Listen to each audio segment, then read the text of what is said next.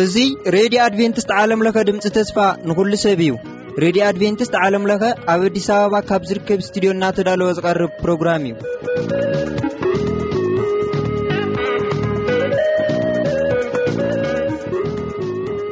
በብዘለኹም ምዃንኩም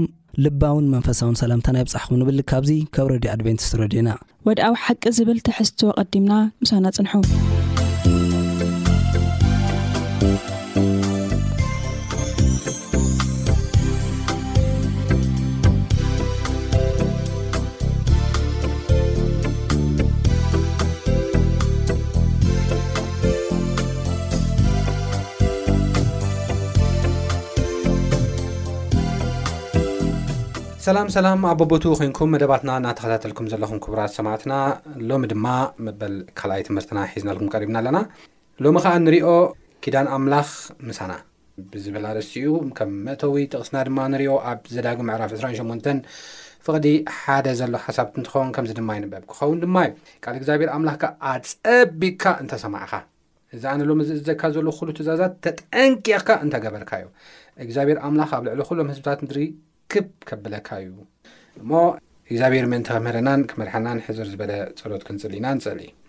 እግዚኣብሔር ኣምላኽና ስለዚ ግዜን ሰዓትን ነመስክነካ ኣለና ሕጂ ድማ ቃልካ ከፊትና ብነጽንዐሉ እዋን ንስኻ ከተምህረና ክትመርሓና ልምነካ ኣለና ዝተረፈ ግዜናን ሰዓትናን ባርኮ ብጎይትና መድሓን የሱስ ክርስቶስ ስም ኣሜን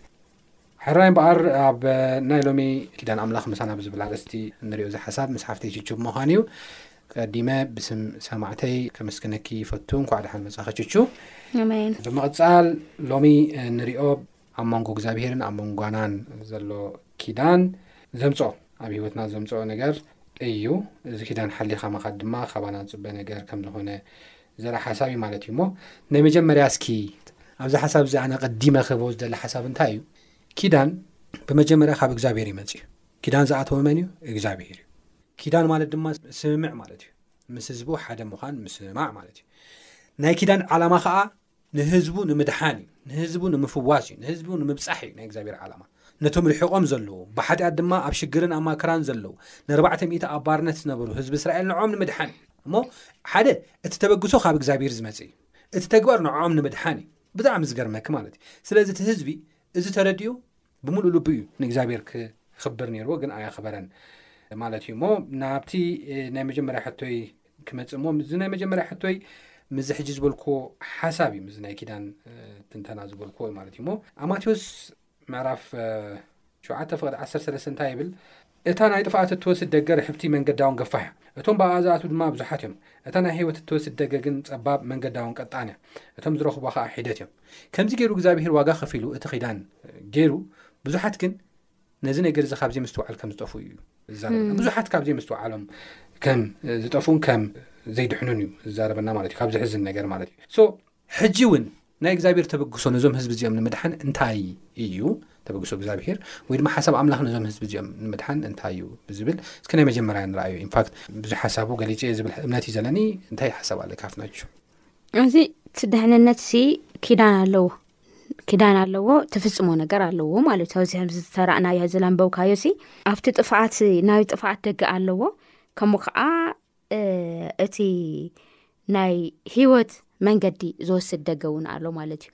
እቲ ሓደ ገፊሕ እዩ ከም ድላይካ ትኾነሉ እቲ ሓደ ከዓ ፀቢብ እዩ እሞ እንታይ ይብለና ኣብ መጀ በታ ፀባብ ደገ እንታይ ግበሩ እተው ይብለና ማለት እዩ ስለዚ ኣብዚ ክንሪኦ ነገር እንታይ እዩ ብዙሕ ግዜ ሓደ ጥቅሲ እኒኦ ሽም እግዚኣብሄር ዝፀዋዒ ኩሉ ክድሕን እዩ ይብል ወዶ እሱ ነገር ኣልዒል ኣቢሉ ሰብ እንታይ ይብል በቃ ሽም እግዚኣብሄር ፀዋዕ ጥራሕ እንታይ ትገብር ኢካ ትድህን ኢካ ልብል ትምህርቲ እኒኦ እዚ ኣብ ዓለማ እዚ ዓብለቅሊቁ እኒኦ ማለት ሓደ ግዜ ሓንሳዕ በቃ ተድሂንካ ድሒንካ ኢካ ሰብድ በቃ ልብል ትምህርቲ እኒኦ ኣብዚ ግን እንታይ ይብል ድሕንነት ሲ መማዓልታዊ መምዓልታዊ ምስ እግዚኣብሔር ዘለካ ርክብ እናፃረኸ ትኸደሉ መንገዲ እዩ ማለት እዩ ድሓረ ኣብቲ ኣብ ልኾነ ትበፅሕ ከላኻኮ መንፈስ ቅዱስ በዓሉ ኮይ ምስክረልካ እዩ ጳውሎስ ኣብ ልኾነ ቦታ ታ ኢሉ ኣነ በቃ ልጎዮ ጎያ ኩሉ ወዲኤ እየ ሃይማኖት የ ኩሉ ፈፂመ ካብ ደጊምሲ ናይ ፅድቂ ኣክሊ ተሃልዩለ እዩ ስለዚ በቃ እቲ ፅቅጥ ኣክል ከዓ ነበይነ ይኮነ ነቶም ብኡ ንዝኣረፎ ኩሉ ልዋሃብ ኢሉ እዩ ሂወቱ መርምር ምስ ጎይታ ከይዱ ከይዱ መወዳእታ መንፈስ ቅዱስ መስኪሩሉ ንኣእምርኡ ንውሽጡ ማለት እዩ ስለዚ እዚ ናይ ቅድስና መንገዲ ጉዕዞ እዩ ጉዕዞ እዩ ጉዕዞ ትጉዓስ ከለካ ግን ኣለዎ ስቴፓት ኣለዎ ወዶ ኣብ ልኾነ ቦታ ክደክመካ ይኽእል እዩ ተወርድ ትኽእል ኢኻ ኣብ ልኾነ ቦታ ልዕሊ ክትብል ትኽእል ኢኻ ኣብ ልኾነ ቦታ ተወድቕ ትኽእል ኢኻ ኣብ ልኾነ ቦታ ከዓ በቃ ሓይሊ ረኺብካ ቀልጢፍካ ትጉዓዝ ኢኻ ማለት ምስ መን ኢኻ ትጉዓዝ ቅቅድመ ይኹም ማለት ቅቅድመ ኣነ በ መስቀለይ ተሰኪሙስኩም ምስ ድድሕረይ ንዑ ይሉ መን ይውልኸት ዘሎ ክርስቶስ ስለዚ እናኸና ንኸዶ መንገዲ እዩ እቲ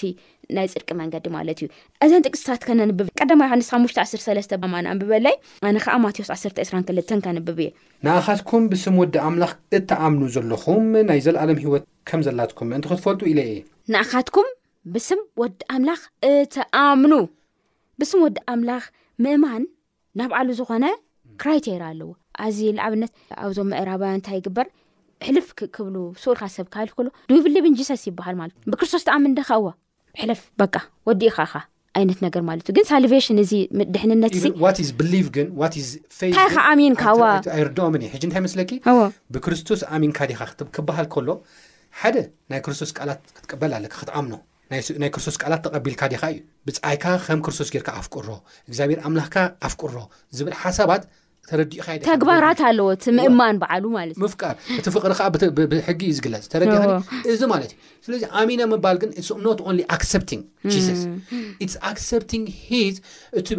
ኣይና እቲ ምቕባል እቲ ናይ ክርስቶስ ቃላት እቲ ናይ ክርስቶስ ትምህርትታት ኢቨን እቲ ናይ ክርስቶስ ህይወት ንዓኻ ኢሉ ዝሞተልካ ህይወት ትንሳኤ ምቕባል ማለት እዩ ደድሕሪኡ ትራስት ከኣ ዝበሃል ኣሎ። ኣብኡ ከኣ ምድጋፍ፣ ብዘይ ብኡ ክድሕን ኣይክእልን እየ፣ ብዘይ ብኡ ፈውሲ ክረክብ ኣይክእልን እየ፣ እታ ናይ ዘላለም ህይወት መንገዲ እዚኣ እያ ኢልካ ምቕባል ማለት እኮ እዩ፣ ካልእ ኣይኮነን እኮ። እምነት ማለት እዚ ማለት እዩ። ግን ሚስ ኣንደርስቱድ ክግበር ከሎ ኣብ ብዙሓት ግን ትር- ይረኣይ ኣሞ ክኸውን ኣሎ ማለት እዩና ግን እምነት ተግባራት ኣለዎ ኣዚ ኣብርሃም ዋላ ድዞም ዝሓለፉ ናይ መፅሓፍ ሰባት ክንርኢ ከለና እውን ተግባራት ነይሮሞ ማለት እዩ እዚ ተግባራት እዚ ከዓ እንታይ ልገብር ተግባራት መሲሉካ ስለ ስመይ ከዓ ኩሉ ሰብ ክፃላዓኩም እዩ ይብል ማለት እዩ እዚ ክሳዕ መወዳእታ ዝዕገስ ግና ንሱ ክድሕን እዩ ይብለና ብሰብ ተፀሊእካ ምኳን ሎሚ ኩሉ ሰብ ክፈትየካ ፃዕሪ ኣብ ትገብረሉ ግዜ ክንደይ ላይካት ክንደይ ፎሎወራት ምናምን ክትረክብ በቃ እገሌ ፎቴኒ ልብል ነገር ንክትረክብ ተኸታሊ ንክትረክብ ኣብቲ ጓየሎ ምድሪ ብሽመይ ተገሩኹ እዮም ክፀልእኹም እዮም ሽዑ ግን እስካብ መወዳእታ ዝዕገ ፅልኢ ከቢድ እዩ ኮ ሓደ ሰብ ብዝሓለፈ ይምስክር ነይሩ ደራፊ ነይሩ ይርኢ ነይሩ ሂወቱና ደራፊ ነይሩ ካብኡ ዳሓረ ግን ንጎይታና መድኒ የሱስ ክርስቶስ ተቐቢሉ ዳሓረ ዝረከቦ ነገር ናበኸ እዩ በ ብንባዕት እዩ የብሎ ነይሩና ዓርከይናተይ መትዓቢተይ ኩሉ ነገረይሲ ጋዝኡ ካይደስ በቃ ክንትንፍስ ምስኡ ዓርክነት ከብሉ ኖኖኖ ኣነ ንስኻንስ ኣብ ደገ ንራኸብ ኣብዚ ብሓደ ክንረኣይ የብልናን ኣነስ በይነስ ካብ ልተርፍስ ንክርስቶስ ክስዕቦ የብል ነይሩ እዚ ሰብ እዚ ሂወቱ ላመስከረ ማለት እዩና ክርስቶስ ምስዓብ ማለት ሰኡሉ ኣይኮነን ሰኡሉ ኣይኮነን በቃ ሽም እግዚኣብሔር ስለ ዝፀዋዕካ ሶልካ እትኸዶ መንገዲ ተንጋገካ በቃ ከምዚ ጎግማንጎግ ተኣኻኺብካ እትኸዶ መንገዲ ኣይኮነ ተፈሊኻ ደው ትብለሉ መንገዲ እዩ እና እዚ እዩ ዝነግረና እቲ መፅሓፍና ማለት እዩ እሱ ከዓ ናይ ኪዳን መንገዲ እዩ ኪዳን ምስ መን ምስ እግዚኣብሔር ምስ ጎይዳና መድሃኒና የሱስ ክርስቶስ ምስ መንፈስ ቅዱስ ኪዳን ጌርካ በይንካ እስካብ ትተርፍ ትኸዶ መንገዲ እዩ ባይዘወይ እቲ ንሓቂ መንገዲ ብትክክል ስካ ትኸድ ከለካ በይንካ ኢካ ትተርፍ ምክንያቱም ዓለም ሎሚ ተሓቂ ሓሶት ሓዊሳ እያ ትኸለያ እንታይ ፀገም ኒዮ እያ ትብለካ ጸገም ኣሎ እዚ ደኣ ሓጢኣት እዩ ሓጢኣት ሓጢኣት ኣዩ ኣዩ ልብልካ እንዳ ጸውዒኻ እዚ ትክክል ኣይኮነን ቀታሊ ነብሲ ምዃን ኣብ እግዚኣብሔር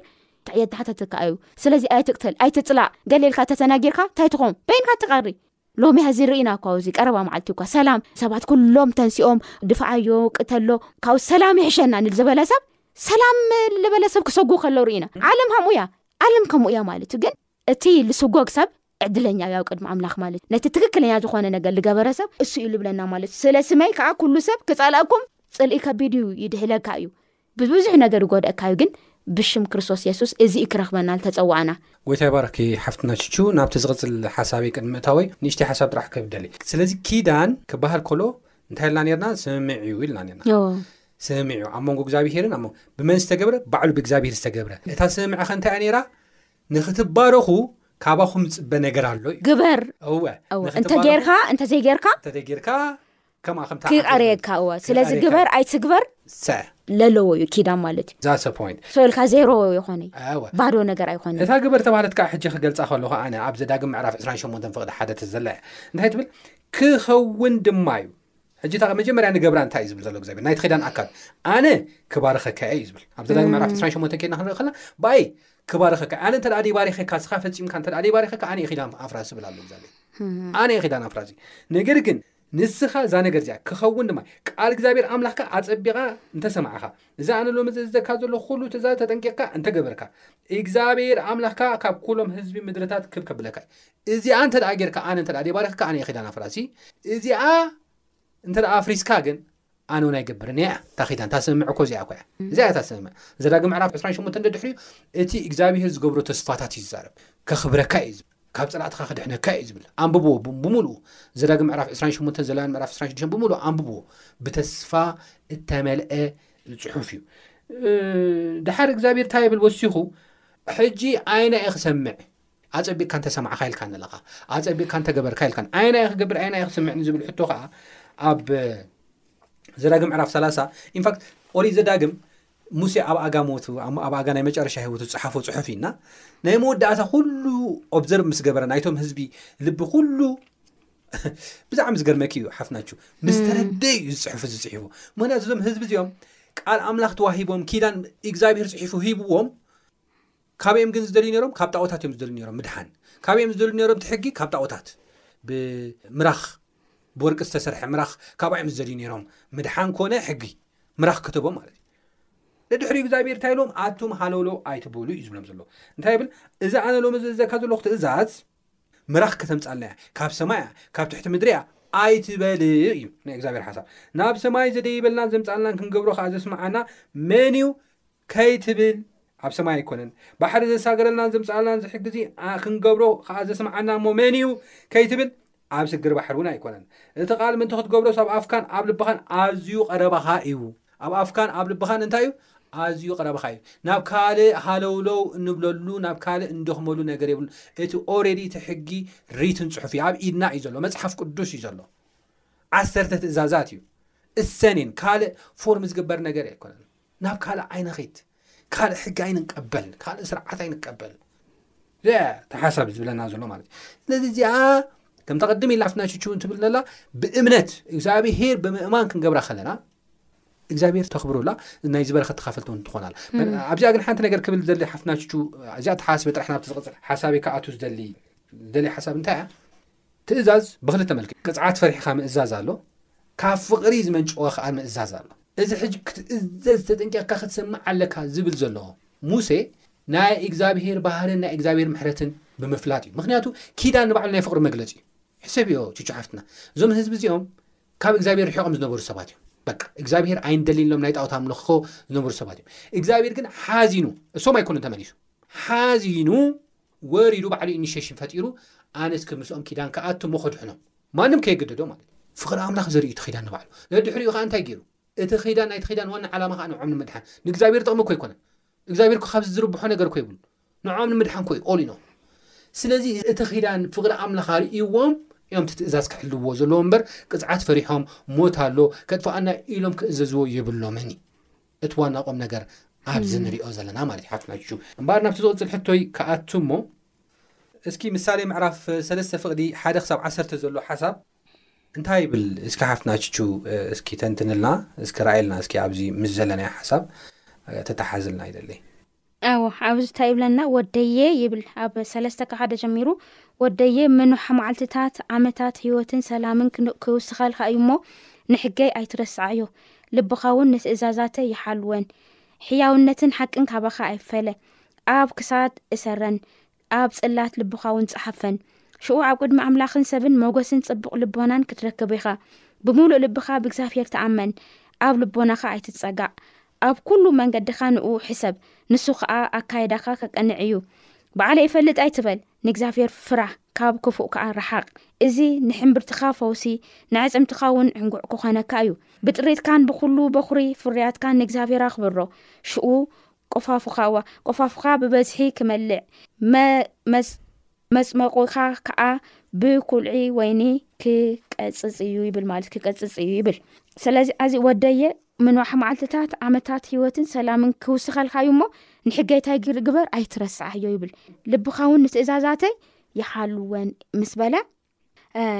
ዝርዝር የብል ሕያው ምዃን ሓቂ ሓቀኛ ምዃን እዘን ሕያውነትን ሓቅን ከዓ ኣበይ ግበር ኣብ ክሳድካ እሰር እዩ ዝብል ኣብ ክሳድካ እሰር ኣብ ልብኻ ውን ፀሓፎ ምክንያቱ መግለፂ እግዚኣብሄር እዩያ እዚ ከዓ እንታይ ዝገብረልካ እዩ ኣብ ቅድሚ ኣምላኽን ኣብ ቅድሚ ሰብን እንታይ ዝገብር ፅቡቅ ልበና ክትረክብ ዝገብረካ ማለት እዩ ስለዚ ሓደ ሙሉእ ልብካ ንብእግዚኣብሄር እንታይ ግበር ተኣመን ብእግዚኣብሄር ተኣመን ኣብ ልቦናካ እንታይ ስግበር ኣይትፀጋዕ ኣብ ኩሉ መንገድኻ ንዑ ሕሰብ፣ ንሱ ኸኣ ኣካይዳኻ እንታይ ይገብር እዩ? ብምሉእ ልብኻ፣ ብምሉእ ሓሳብካ፣ ብምሉእ መንገድኻ ንእግዚኣብሄር ኣብ እግዚኣብሄር እንታይ ግበር? ተኣመን። ንእግዚኣብሄር ኣክብር። ብዘለካ ነገር ኩሉ ንእግዚኣብሄር ኣክብር ዝብል ሓደ ይነግረና ማለት በዓለ ይፈልጥ ኣይትበል ንእግዚኣብሄር ፍራሕ ካብ ክፉእ ከዓ ርሓቕ ስለዚ እግዚኣብሔር ምፍላጥ ማለት ንእግዚኣብሔር ምክታል ማለት እዞም ሕግጋት እዚኦም ዝሓዘ እዩ ሕግጋት ዝሓዘ እዩ ምንም ነገር ዘይብሉ ሌጣም መይዳ ኣይኮነ ከም ድላይካ ትዕንድረሉ ቦታ ኣይኮነን እንታይ ይግበር እንታይ ኣይግበር ልብል ሕጊ ዝተቐመጠሉ ቦታ እዩ ማለት እዩ ካብኡ ግን እንታይ በል እዚ ንህምብርትኻ ፈውሲ ንዕፅምትኻ እውን ዕንጉዕ ክኾነልካ እዩ ዓርፍካ ተቕመጥ ሲ እዚአን ነገራ እዚአን ምስ ገበርካ እዩ ምስ በለ ብጥሪትካን ብኩሉ ብኩሪ ፍርያትካን ንእግዚኣብሔር ኣኽብራ ካልእ ከ ይብለካ ንእግዚኣብሔር ኣኽብሮ ተኣመን ንእግዚኣብሔር ኾነር ማለት እመኖ ልዕል ኣብሎ ኣኽብሮ ንእግዚኣብሔር ምስ በለ ንእግዚኣብሔር ክተክብር ከለኻ ሓደ ልቦናኻ ኣትሕቶ ኮፍ ኣብሎ ልቦናኻ ኮፍ ኣቢልካስ ብእግዚኣብሔር ካልኣይ ከዓ ኣኽብሮ ብካልእ ነገር እውን ኢሉ እኒኦ ማለት እዩ ካብቲ ዝረኸብካዮ ነገር ዓሰርተ ሓደ ብምሃብታይ ግበር ንእግዚኣብሔር ኣኽብሮ እግዚኣብሔር ብብራ ክባርኸካ እዩ ንኡ ኣኡ ክትፅጋዕ ከለኻ ኣኡ ክትውከል ከለኻ ኣኡ ኩሉ ነገርካ ደብሪካ ንኡ ትእዘዝ ከለኻ ክባርኸካ እዩ ምስ ባርኸካ ዋላሲ ካብቲ ለለካ እንታይ ግበር ኣኽብር እዚ ማለት ንእግዚኣብሄር ከዓ እንታይ ግበር እዚ ልገበርካ ኣለ ንስኻ ኢኻ ሞ ተመስገን ናትካ እዩ ኩሉ ካብቲ ልሃብካ ንስ እንካ እው ኣምፅኤልካ ኢልካ ከዓ ኣመስግኖ ኣኽብሮ መባእ ማለት እዩ መባዕና ዕሽርን ይፈላለዩ መባእ ማለት ካብቲ ዝረከብካዮ ነገር እንታይ ትግበሮ ብናትካ ፍቓድ ትህቦ እዩ ብናትካ ፍቓድ ተመስገን ኢልካ ትህቦ ማለት እዩ ብዙሕ ግዜ እዚ ዕሽር ባይዞ ኣይፍለጥ እኮ ወዶ በቃ ቤተክርስትያናት ኣለው ዕሽር ምእመናን ብትክክል ንክብሉ ናይ እግዚኣብሄር ምዃኑ ኣምሂሮም በቃ ካብ ዝረከብዎ ለብሉን ገለገለ ቦታ ከዓ እታ እዩ ከም ልመና ወዶ ምእመንስ ተለሚኑ ዩ ቅርሺ ልህብ ግን ናይ እግዚኣብሄር ንእግዚኣብሄር ክምልስ ተነጊርዎ እዩ እዚ ምንጋር እናተኸኣለ በቃ ፈቐዱ ልመና ትውዕለሉ ኩነታት ኣሎ ማለት እዩ ክትልምን ግና እግዚኣብሔር ሓሳብ ኣይኮነን እግዚኣብሔር ናተ እዩ ናተ ኢሉ ክብል ከሎ ንሰማይ ክንውርሮ እተዘይኮነስ ነቲ ኣኡ እኒኦ እንታይ ንገብር ነቲ ናይ እግዚኣብሔር ስራሕ ንዘፈፅም መብኡ ማለት እዩ መብልዑ መስተ እዩ መንቀሳቀሱ እዩ ማለት እዩ እግዚኣብሔር ይባርኪ ሓፍትና ሽቹ ምናልባት እታ ቀፂላ ዘላ ሓሳብ ኦረዲ ተንኪፍክያ ኢኺ ኦልሞስት ወዲእኽያ ኢኺ ስለዚ እግዚኣብሄር ናይ ኩሉ ኣብ ዝሓለፈ ትምህርትና ናይ ኩሉ ዋና እዩ ናይ ኩሉ ኣብ ሰማይን ኣብ ምድርን ዘሎ ኩሉ ናቱ እዩ ኮንትራት ግን ኣሎ ምስ እግዚኣብሔር ኣብ ናይ ተኼዳን ኣካል ዝኾነ ሓደ ኮንትራት ግን ኣሎ እቲ ኮንትራት እንታይ እዩ ዕሽር እዩ ከም ዝበለት ፍትና ዕሽር ክንምልስ እዩ ዝግባኣና ዕሽር ክንምልስ እዩ ዝግባኣና እንታይ ይብል ኣብ ምልክያስ ምዕራፍ ሰለስተ ፍቕዲ ሽዱሽተ ጀሚረ ክንብብ ከለኹ ኣነ እግዚኣብሄር ኣይልወጥን እሞ ኣቱም ደቂ ያቆብ ስለዚ ኣይጠፋእኩምን ካብ ዘመን ኣቦታትኩም ጀሚርኩም ካብ ስርዓታተይ ኣግለስኩም ሓለኹሞም ከኣ፣ ናባይ ተመለሱ፣ ኣነውን ናባኻትኩም ክምለስ እየ፣ ይብል እግዚኣብሄር ጐይታ ሰራዊት። ንስኻትኩም ግና፣ ብምንታይ ኢና እሞ ንምለስ? በልኩም። ሰብዶ ንኣምላኹ ክሰርቅ ይኾኖ ኣሎ እዩ? ንስኻትኩም ግና ሰረቕኩምኒ፣ ብምንታይ ኢና እሞ ዝሰረቕናካ? ትብሉ፣ ብዕሽርን ብመባኣን ኢኹም። ንስኻትኩም ህዝቢ ብምልኣትኩም ሰሪቕኩምኒ ኢኹም፣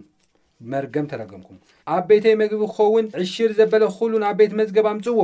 ሽዑ መሳኹቲ ሰማይ እንተ ዘይከፊተልኩም፣ በረኸት ድማ ብዘይ ልክዕ እንተ ዘይፍሰልኩም፣ በዚ ተዓዘቡኒ ይብል እግዚኣብሔር ጐይታ ሰራዊት። ብዘይ ልክዕ ይብል ልክዕ ብዘይብሉ በረኸት ተደፍሲሰልኩም በዚ ተዓዘቡኒ ይብል እግዚኣብሄር ስለዚ መባእ ብፍታውካ ትህቦ እዩ ስርቂ ውን ኣይበሃልን እዩ መባእቲ ደይሂብካ ኣይሰረቅካን ብፍታውካ ትህቦ ካብ ሃብትኻ ተኸብሮ እዩ ኣይሰረቅካን ዕሽር ግን ኩንትራት ዝኣትኻ እዩ ናይ ኪዳን ኣምላኽ ፓርቲ እዩ ክፋል እዩ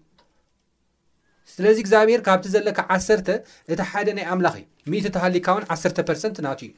ዓሰርተ ቅርሺ ናት እያ ማለት እዩ ሽሕ ተሃሊካ ሚእቲ ቅርሺ ናት እያ ከምዚ ናበልኩም ኮልኩሌት ክብሩ ካብ ዓሰርተ ሓደ ስለዚ እዚ ናይ እግዚኣብሔር ን እግዚኣብሔር ክንምልሶ ክንክእል ኣለና እንተ ደይመሊስናዮ ስርቂ እዩ ስርቂ ከዓ እንታይ እዩ ሓጢኣት እዩ እሞ በዚ ከነክብሮ ኣለና ብል ሓሳብ እዩ ምናልባት ካልእ መዓልቲ በዚ ናይ ዕሽርን መባእን ከም ፍቓድ ኣምላኽ ግዜ እንተ ረኪብና ከነቕርቦ ክንፍትን ኢና ማለት እዩ ሓደ ሓፍናቹ ናብቲ ናይ መወዳእታ ሕቶይ ክመፅእ እሞ ናይ መጀመርያ ናይ መወዳእታ ሕቶይ እንታይ እዩ ብመጀመርያ መንግስትን ጽድቁን ድለዩ ይብል ማቴዎስ ሽዱሽተ ናይ መወዳእታ ጥቕሲ ከይና ንሪኦ ኣለዋ እንታይ ማለት እዩ እዚ መንግስትን ጽድቁን ኣቐድሙ ክሎ እንታይ ማለት እዩ ናይዚ ከ ውፅኢት እንታይ እዩ ሓሳብና ክርስቶስ conclusion የሱስ ንገብር። ክዛረብ ከሎሲ ኣነ ይብል ኣነ ይፈልጥ እየ ንስኹምሲ ንስድራኹም ን- እዚ ንቤትካ ንናይ- ንናብራኻ ገለ ትጨናነቕኻዶ ሐዚ ንበልዖ ምግብ የጭነቀና እዩ ንሰትዮ ነገር መዓልቲ መዓልቲ ለሌየና ኣብ ገዛና ንዘልዮ ነገር ንክደኖ ክዳን ኩሉ ነገር የተሳስበና እዩ ክርስቶስ የሱስ እዚ ምስ ፈለጠ ንታይ ኢሉ ኣብ ሽዱሽተ ኣርእዎም እዞም ሰባት ኩሉ እሞ ካብኡ ወንጌል ማቴዎስ ምዕራፍ ሽዱሽተ ካብ ዕስራሓሙሽተ ጀሚና ክንሪኢ ክለና ካብ መብልዕሲ ሂወት ዶ ኣይበልፅን ካብ ክዳንሲ ስጋዶ ኣይበልጽን ስለዚ ንህይወትኩም ብትበልዕዎን ብትሰትይዎን ወይስ ንስጋኹም ብትኽደንዎ ኣይትጨነቑ እብለኩም ኣለኹ። ንኣዕዋፍ ሰማይ ተመልከቱ፣ ናይ ሰማይ ኣቦኹም ደኣ ይምግበን እምበር፣ ኣይዘርኣን ኣይዓስዳን፣ ኣብ ማእኸንውን ኣይእከባን እየን፣ ንስኻትኩምዶ ግዳ ካብኣታተን ብዙሕ ኣይትበልጹን? ካባኻትኩም ተጨኒቑ ኣብ ልዕሊ ቁመቱ ሓንቲ እመት ክውስኽ ዝኽእል መን ኣሎ? ከመይካ ብናይ ክዳን ኣይትጨነቑ ንዕምባባታት መረሮ ከመይ ኢሎም ከም ዝዓበዩ ተመልከቱ ኣይደኽሙይ ኣይፈትሉይ ምስ ናይዚ ግና ሰሎሞን እኳዕ በቲ ኩሉ ክብሩ ካብኣታተን ሓደ ከም ዘይተኸደነ እብለኩም ኣለኹ ኣምላኽ ነቲ ሎሚ ዘሎ ፅባሕ ግና ናብ እቶን ዝድብርዮ ሳዕሪ መረሮ ከምዚ ገይሩ ክከድኖ ከሎ ካብ ኾነ ደኣ ኣቱም ጉዱላት እምነት ንኣኻትኩም ግዳ ኣብልጹ ኣይከድነኩምን? እምበኣርከ እንታይ ንበልዕ እንታይ ንሰቲ እንታይ ንኽደን ኢልኩም ኣይትጨነቁ ነዚ ኩሉ ኣህዛብ ይደልይዎ እዮም እሞ ንስኻትኩም ግና እዚ ኩሉ ከም ዘድልየኩም ናይ ሰማይ ኣቦኹም ይፈልጥ እዩ ቅድም መንግስቲ ኣምላኽ ጽድቁን ድለዩ እዚ ኩሉ ድማ ክውስኸልኩም እዩ ጽባሕ ንርእሳ ትጭነቅ እያ እሞ ንጽባሕ ኢልኩም ኣይትጨነቁ ንመዓልቲ ክፍኣታ ይኣኽላ ይብል ማለት እዩ እዚ እግዚኣብሔር ኣምላኽ ንወዲ ሰብ ድሃቦ ኣነ እንተልዩኩም ምሳይ ልብኹም እንተልዩ ምሳይ ሓሳባትኩም እንተልዩ ምሳይ መንገድኹም እንተልዩ ሲ ካልእ ኩሉስ ጣዕጣ የብሉን ኣነ እየ ፕሮቫይድ ዝገብረልኩም ኣነ እየ ለማልኣልኩም ስለዚ ደቂ እየ እንታይ ግበሩ ኣባይታይ ዕረፉ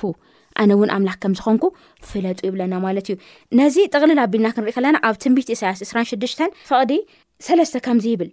ሰለስተ ከምዚ ይብል ነቲ ጽኑዕ ዝሓቐንኡ ነቲ ጽኑዕ ዝሓቐንኡ ኣባኻ ስለ እተማሓፀነ ብሰላም እዋ ብሰላም ሓቐንኡ ፅኑፅኑዕ ዝኾነ ኣብ እግዚኣብሔር ጎይታ ሰራዊት ደው ዝበለ ሰብ ንኡ ስለ ዝተማፀምህፅንትኡ ልማንኡ ዶም ይባሉ ኣምላኽ ስለ ዝኾነ እንታይ ገብሮካ ብሰላም እዋ ብሰላም ታይ ክትገብሮ ኢኻ ትሕልዎ ይብለና ማለት እዩ ስለዚ ጥቕልል ክነብሎ ከለና ናይ ሎሚ ዓንቲ ትምህርትና ክንርኢ ከለና ኣብ ጎይታ ምዃን ማለት ንኡ ምስማዕ እዩ ድምፁ ሰሚዕካ እንታይ ምግባር እዩ ምክታል ማለት ንኡ ምእዛዝ ማለት እዩ ኣቀዲምና ንደልዮ ነገር ናይ እግዚኣብሔር ፅድቅን መንግስትን ብድሕሪኡ እቲ ዘሎ ነገር ኩሉ እታ ይገብር እዩ ኣብ መወዳእታ ነጊሩና ፅኑዕ ዝኾነ ሓቀና ኣብ ኣምላኽ ዘለዎ ሰብ ፅኑሕ ዝኾነ ደው ኣብ ኣምላኽ ዝበለ ሰብ ንኡ ስለ እግዚኣብሄር ስለ ዝሓዘ እግዚኣብሄር ካብ ዘሎ ነገር ኩሉ እንታይ ይገብር እዩ ብሰላም እዋ ብሰላም እንታይ ይገብር እዩ ይሕሎ ይብለና ማለት እዩና ኩሉ ነገርና ደብሪና ንኣምላኽና ንኣምላኽና ጥራሕ ሒስና ድምፁ ሰሚዕና ትእዛዛቱ ሃሊና ሓሳባቱ ተቐቢልና ኣብዛ ብ ማዕበል ትናወፅ ዘላ ምድሪ ደው ምባል ክንኽእል እግዚኣብሄር ፀጉኡ ይኣብዝሐልና ኣሜን ጎይታ ይባርኽኪ ሓፍትናቹ ብጣዕሚ ደስ ዝብል ሓሳብ ይክብክና ክቡራት ሰማዕቲ ብዝነበረና መደብ ከም ተባረኽኩም ተስፋ ንገብር ከም ቃሉ ድማ ክንነበር እግዚኣብሔር ፀጉ የብዝሓልና ሕቶታትኩም ርቶታትኩም ሕቶታትኩም በዚ ስዕብ ኣድራሻ ክትልእኹልና ርቶታትኩምን በዚ ስዕብ ኣድራሻ ክትልእኹልና ነዘኻኸርኩ ብቁፅሪ ሳጥን ቦስታና 145 ኣዲስ ኣበባ ኢትዮጵያ ወይ ድማ ብቁፅሪ ስልክና ዜሮ ትሽዓተ ዜሮ ሓደ ቲስዓን ኣርባዕተን ሰብዓ ቴስዓን ሽዱሽተን ወይ ድማ ብ ዜሮ ትሽዓተ ዒስራን ሓደን ሰማንያን ሸሞንተን